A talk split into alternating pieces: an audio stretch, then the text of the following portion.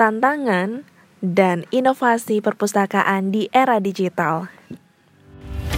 Hello everyone, saya Nur Laila Khalifa. Welcome to my podcast. Berbicara tentang perpustakaan tidak pernah terlepas dengan yang namanya literasi. Literasi sendiri punya makna yang luas dan juga kompleks. Menurut UNESCO, Pemahaman orang tentang literasi sangat dipengaruhi oleh penelitian akademik, institusi, konteks nasional, nilai-nilai budaya, dan juga pengalaman. Dan hal-hal demikian yang berhubungan dengan literasi bisa kita temukan di dalam perpustakaan.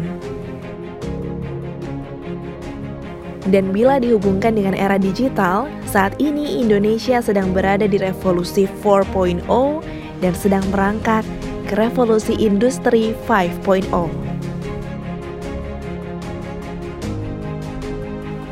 Sehingga kemajuan zaman dan cara berliterasi harus juga seimbang, terutama bagi generasi yang lahir di era kemajuan teknologi seperti ini yang biasanya jadi dikenal sebagai generasi digital. Mereka adalah generasi muda saat ini yang merupakan generasi yang sudah bertumbuh bersama dengan pertumbuhan teknologi. Bagi mereka, gawai ataupun juga gadget menjadi bagian kehidupan mereka. Kegiatan membaca juga akan lebih menarik bagi mereka melalui gawai.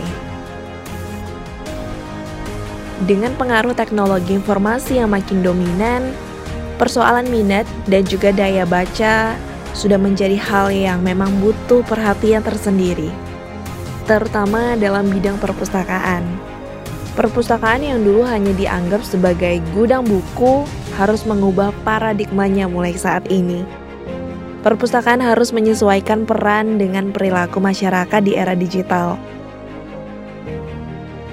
Pengelolaannya tidak boleh lagi dilakukan seperti di era awal kemerdekaan, secara manual, dengan sumber daya manusia yang ala kadarnya.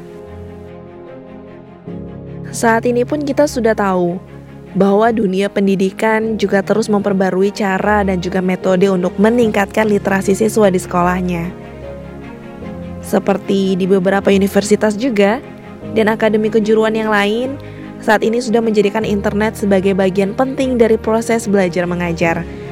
Pemberian tugas dan juga ujian mahasiswa dilakukan lewat email, bukan lagi secara manual dalam bentuk kertas.